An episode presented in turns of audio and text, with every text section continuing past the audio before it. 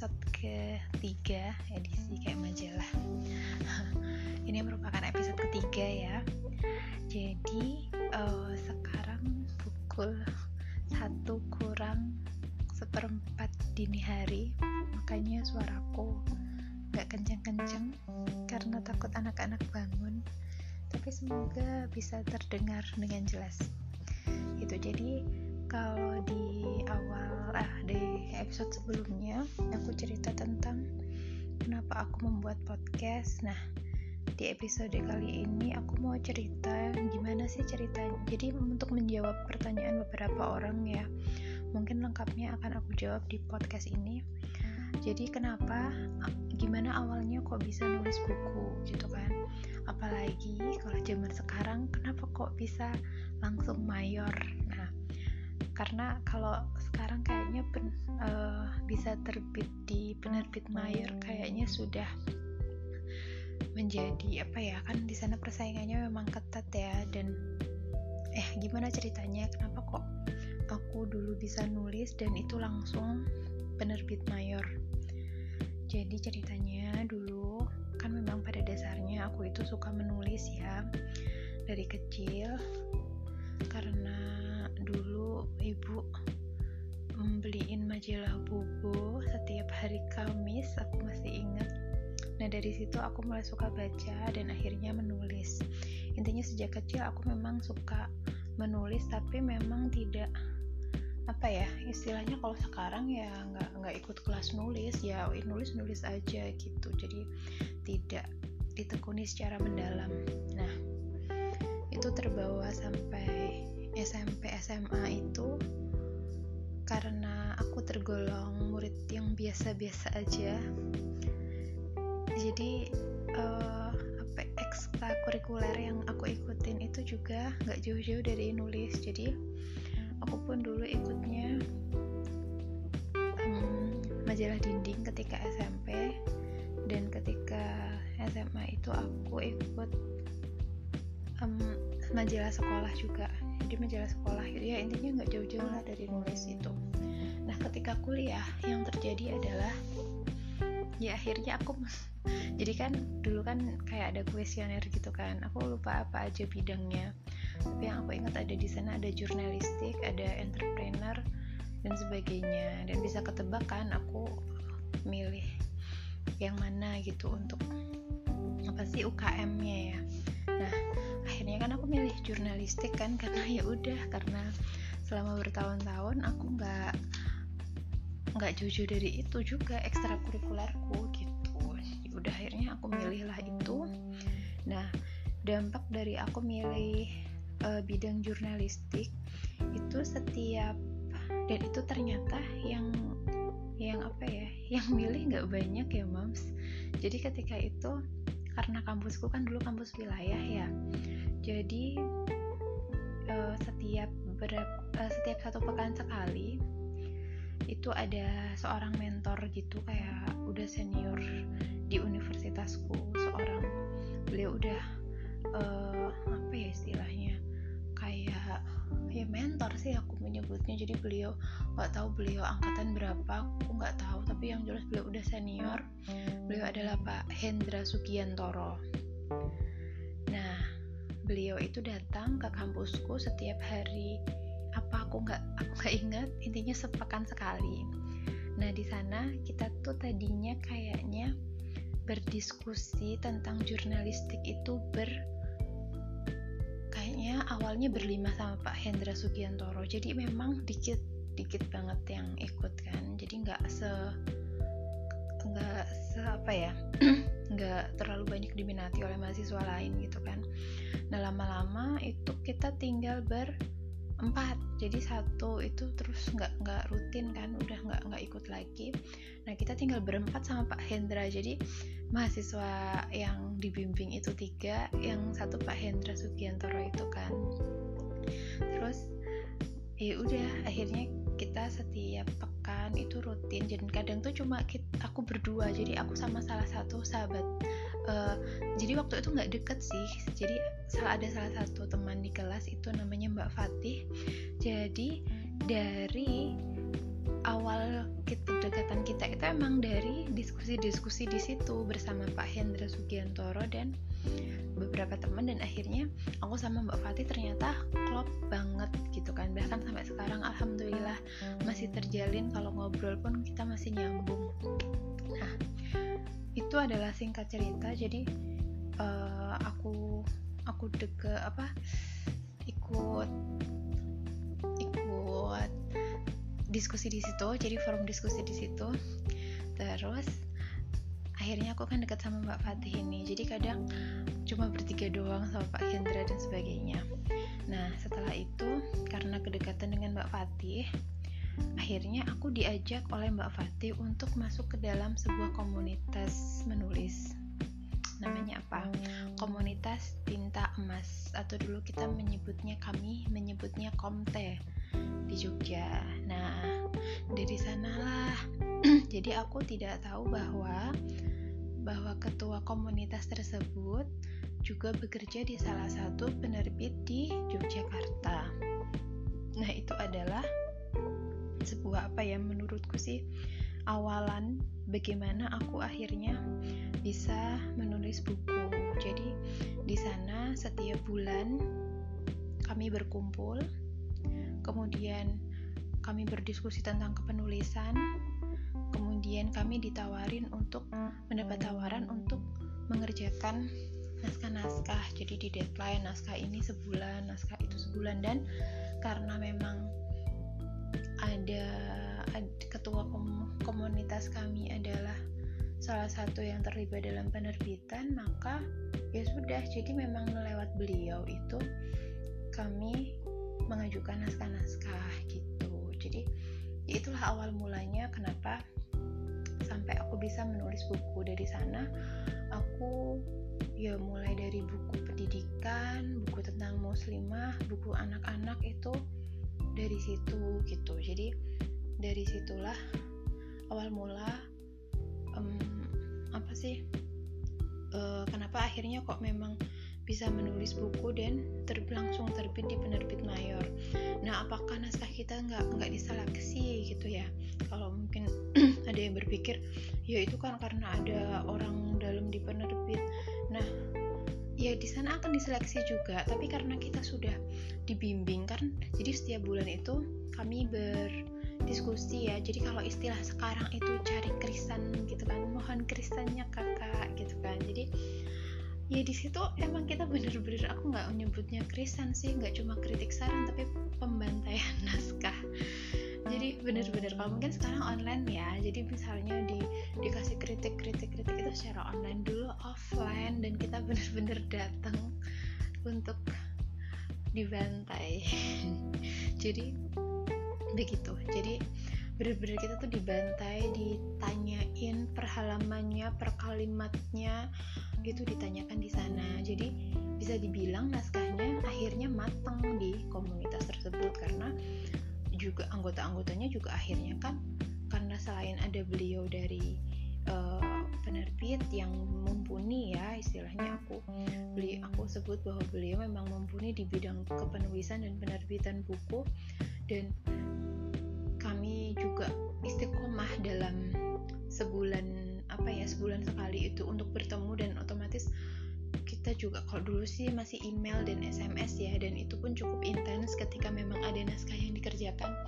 Itu diskusi itu cukup intens jadi meskipun nggak ketemu tapi ketika aku minta pendapat atau saran itu juga uh, cukup intens. Jadi bagaimana ini naskahnya outlineku seperti ini. Nah itu cukup intens. Jadi bagaimanapun naskahnya memang sudah matang. Jadi kalau wih berarti itu mayor asal-asalan. No jadi penerbit mayor itu kalau naskah itu nggak matang kan ya nggak akan diterima gitu. Jadi kan karena karena kalau penerbit mayor itu kan minimal cetak itu kan kurang tahu sih aku tapi kayaknya sepertinya itu nanti dikoreksi ya kalau salah misalnya 500 eksemplar atau 1000 gitu kayaknya silahkan dikoreksi kalau aku ini salah ya. Jadi itu. Jadi memang akhirnya naskahnya pada saat itu langsung uh, di istilahnya digodok di komunitas tersebut baru kemudian diajukan ke penerbit. Begitu. Dan mungkin prosesnya pun di penerbit juga ada seleksi karena aku pun karena udah misal ya misal nih naskahku udah di udah dikoreksi di di komunitas kan? Nah terus ketika sudah diajukan ke penerbit ternyata sama editor itu di stabilo merah. Nah itu itu udah sering banget sih. Jadi ya ya begitulah. Jadi memang um, ya memang itu adalah uh, itu adalah salah satu sejarah lah sejarah. Jadi kenapa akhirnya kalau ada yang tanya kok bisa sih kak langsung dulu waktu udah bisa nerbitin buku kenapa kok bisa sih langsung mayor. Ya memang uh, seperti itu ceritanya. Jadi memang uh, ada rezeki untuk bertemu dengan eh, orang-orang uh, dengan komunitas yang kita tuh sama-sama istilahnya ya ya emang cinta sih di bidang literasi gitu. Nah kemudian ketika aku nulis buku itu kan memang seingatku itu ketika mulai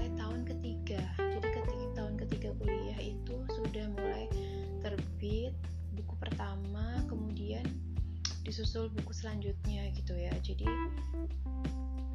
uh, dan apakah yang terjadi gitu kan? Jadi zaman dulu itu media sosial nggak seramai sekarang. Jadi meskipun aku dan Mbak Fatih tadi kan ceritanya sekelas nih sekelas ketika kuliah apakah setelah menulis buku kita jadi terkenal? Enggak jadi apakah terus kita jadi kaya raya juga? Enggak sih tapi jadi gini jadi kalau misalnya ada orang ya misalnya nulis buku nih terus pengen banget apa sih istilahnya kan uh, jadi kalau aku dapat cerita gitu kan gini aku pengen itu nih kak pengen nulis buku kepada David Mayor terus biar bisa di Gramedia gitu ya.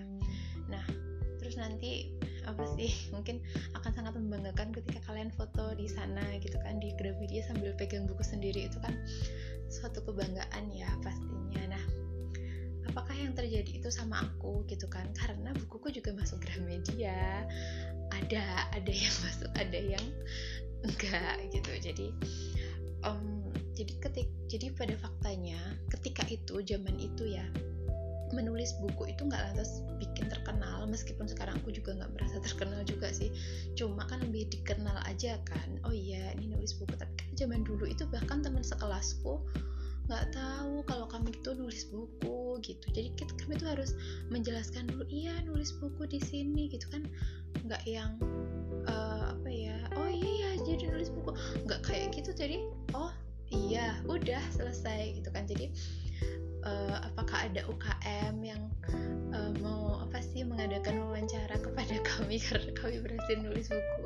Juga enggak enggak ada enggak ada. Jadi karena mungkin aku sih kalau aku kan emang nggak begitu aktif di organisasi ya. Jadi ya udah ya udah ya udah intinya nggak dikenal sebagai penulis bahkan dosen dosen-dosen itu sampai aku lulus itu kayaknya juga nggak tahu sih kalau ada mahasiswa yang nulis buku diterbitkan beri ISBN masuk buku buku itu nggak ada.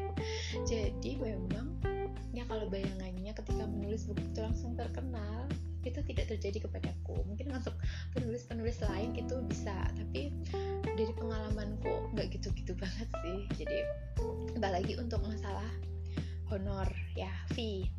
Nah apakah dengan menulis buku itu juga lantas kaya raya? Enggak. Enggak juga gitu kan. Ketika itu mungkin juga karena banyak pihak yang terlibat.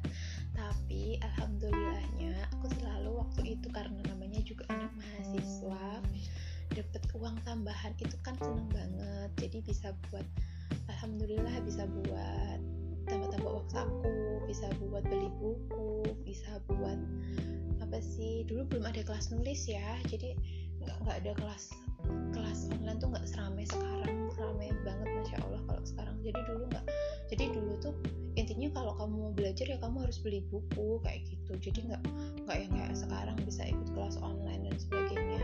Jadi dulu alhamdulillah dari dari menulis itu aku bisa dapet itu tadi apa nambah uang saku beli buku.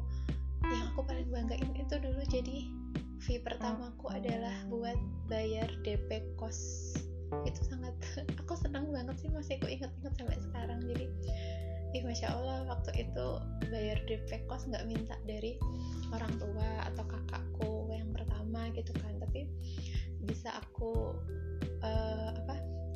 bisa aku bayarkan dengan fee pertamaku. 800 ribu masih ingat untuk naskah pertama. Jadi fee 800 ribu diberikan ketika pamer Islamic Book Fair di Gedung Wanita Tama Yogyakarta. Aku masih ingat banget di sana. Nah itu. Jadi itu. Jadi kalau apa ketika dibilang bahwa menulis terus kaya raya terkenal ya ya mungkin itu terjadi pada orang-orang tapi tidak terjadi kepadaku gitu sih. Jadi itu kenapa akhirnya bisa menulis ke penerbit mayor. Nah terus kenapa akhirnya ketika tahun 2019 itu aku juga ikutan apa sih jadi ter uh, di jadi editor freelance ini juga ada ceritanya sendiri. Jadi itu berawal dari aku yang ikut kulwap di IIP jadi IIP adalah Institut Ibu Profesional di sana. Waktu itu acaranya dan itu gratis sih kayaknya. Jadi menulis temanya tuh menulis produktif. Pematerinya adalah Bunda Ernawati Lilis. Nah jadi ya udah aku ikut itu kan. Aku ikut biasa seperti peserta lain menyimak materi. Nah di sana di akhir itu kayak ada apa sih ada informasi bahwa Bunda Ernawati Lilis itu menulis buku apa sih ubah tulisan jadi transferan. Nah aku kan langsung tertarik tuh. Jadi uh, memang apa ya karena memang rentang jadi gini uh, aku kuliah. Jadi selama kuliah kan aku masih aktif menulis ya. Kemudian lulus pun lulus itu lulus kuliah itu aku juga masih aktif menulis sampai bekerja uh, sampai 2000 berapa sih? 2014 akhir. 2014 akhir itu aku masih aktif menulis. Nah aku menikah di tahun 2015 setelah itu alhamdulillah langsung dikaruniai kehamilan. Nah waktu itulah aku langsung off menulis gitu ceritanya. Dan itu 2015 itu aku nggak nulis naskah lagi dan nggak nulis apa-apa karena mungkin masih karena mabuk kehamilan dan adaptasi dari single ke menikah itu cukup membuat jungkir balik. Nah maka aku nggak aku off stop menulis di situ. Nah setelah itu itu. Aku ketemu di keluapnya kembali ke keluapnya Bunda Ernawati Lilis tadi ya. Jadi produktif menulis. Nah terus tadi aku tertarik nih sama buku ubah tran eh ubah tulisan jadi transferan.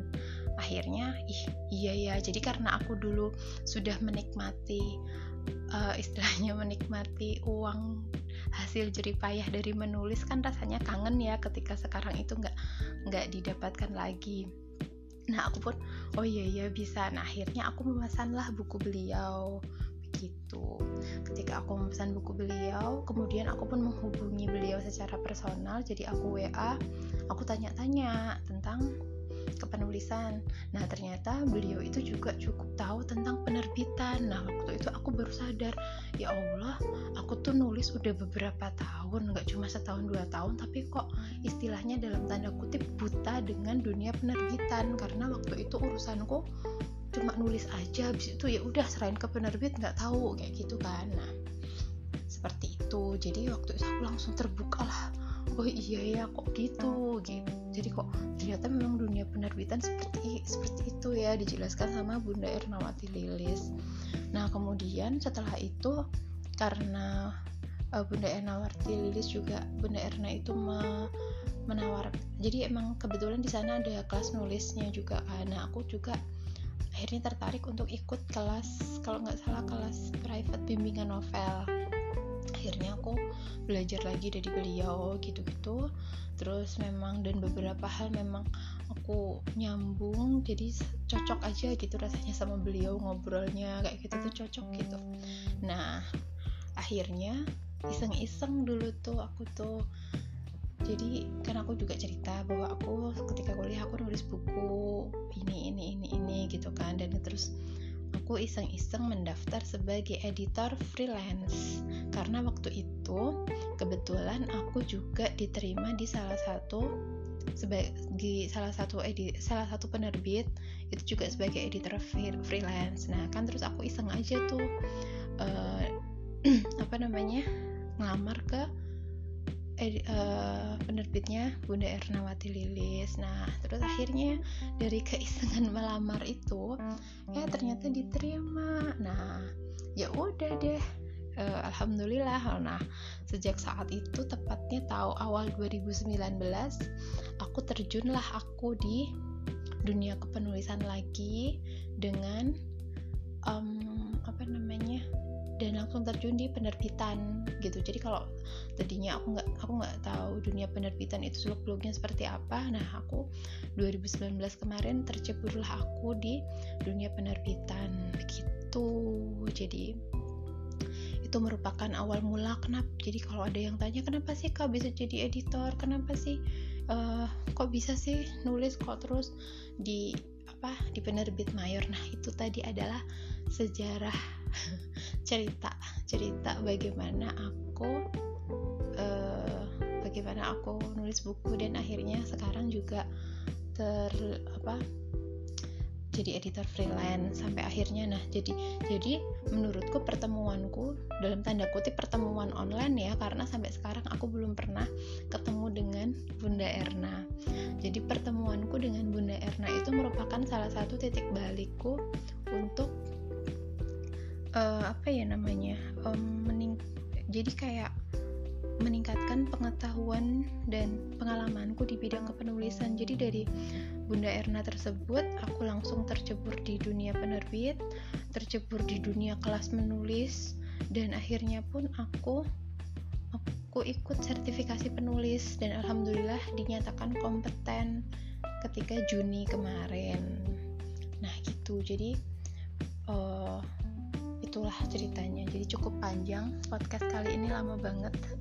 Udah 22 menit. Jadi intinya apa? Intinya yang pertama jangan pernah remehkan aktivitas yang menurut kita yang menurut orang lain tuh nggak keren gitu. Jadi kalau aku tadi ya diskusi tiap pekan di kampus itu nggak keren. Tapi siapa sangka jadi Pak Hendra Sugiantoro yang aku ceritakan di awal tadi sekarang beliau sudah jadi penulis di banyak tempat. Jadi buku beliau juga udah jadi rujukan. Ya kan siapa yang nyangka? Kan aku ketika itu 10-11 tahun yang lalu aku nggak nyangka bahwa Pak Hendra yang datang setiap bul uh, setiap minggu dengan pakaian yang sederhana rapi sederhana sekarang sudah tulisannya udah ada di mana-mana. Aku nggak nyangka ketika itu. Dan aktivitas berdiskusi di gazebo itu nggak keren menurut teman-temanku ya kita tuh lagi belajar aja. Jadi ya udah nggak keren nggak keren juga. Tapi ternyata dari situlah merupakan titik balikku bahwa Allah menunjukkan uh, jalan rezekiku yang lain tuh ternyata awalnya dari situ gitu. Jadi jangan pernah remehkan itu ketika memang kita suka ya udah ditekunin aja mau orang bilang itu keren atau enggak pokoknya dilakuin aja gitu. Nah yang kedua jadi kalau kita suka nulis tekuni aja gitu. Mau hasilnya gimana nggak tahu karena kita hasilnya itu nggak bisa mungkin uh, iya aku tapi nggak terkenal. Ya emang penulis tuh nggak nggak nggak nggak buat terkenal gitu kan. Jadi kalau misalnya apa uh, aku nulis tapi kok aku belum dapat keuntungan ya. Dia memang uh, menulis itu nggak nggak lantas terus apa sih dapat dapat penghasilan gitu. Jadi itu tuh prosesnya panjang. Jadi kalau apalagi kalau nulisnya masih setahun dua tahun itu mungkin memang nggak kelihatan hasilnya. Aku pun juga uh, belum terus yang merasa apa ya ya udah udah bertahun-tahun gitu kan. Tapi ternyata ya alhamdulillah sudah bisa menikmati uh, hasil keringat dari dari menulis tapi juga ya masih harus tetap berproses karena apalagi sekarang makin banyak uh, makin banyak tempat belajar kan jadi nggak ada alasan untuk tidak belajar ya sudah. Jadi memang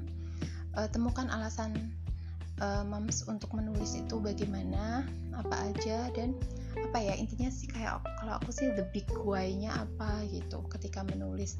Nah, jadi kalau aku karena memang sepanjang hidupku ya dari kecil itu ternyata memang tidak jauh dari menulis di salah satu buku yang apa ya oh yang perempuan menulis itu aku menuliskan bahwa mungkin uh, salah satu misi utamaku sebagai khalifah di bumi itu adalah untuk menulis. Jadi ya sudah gitu. Jadi ya menulis ya menulis aja. Mungkin kita hasilnya nggak bisa kita dapat setahun dua tahun tiga tahun tapi kita nggak tahu itu bisa 10 tahun lagi 15 tahun lagi kita tuh baru tahu hasilnya. Jadi ketika memang suka menulis silahkan ditekuni silahkan diperbaiki diluruskan niatnya.